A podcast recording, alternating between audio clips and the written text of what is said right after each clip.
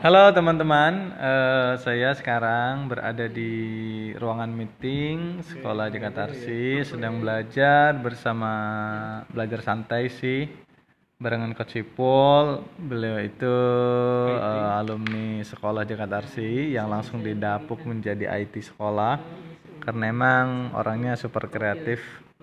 Dan kebetulan saat ini sedang berpuasa di hari ke-6 di bulan Ramadan. Tepatnya 29 April 2020. Di sini ada Babe Dwi yang super membahana.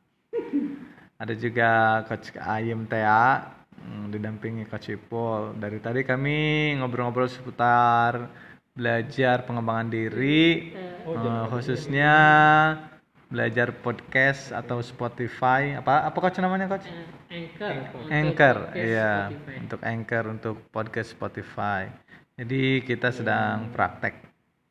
Nah ditunggu ya publishnya untuk edisi pertama. Sekian dulu. Hai guys. assalamualaikum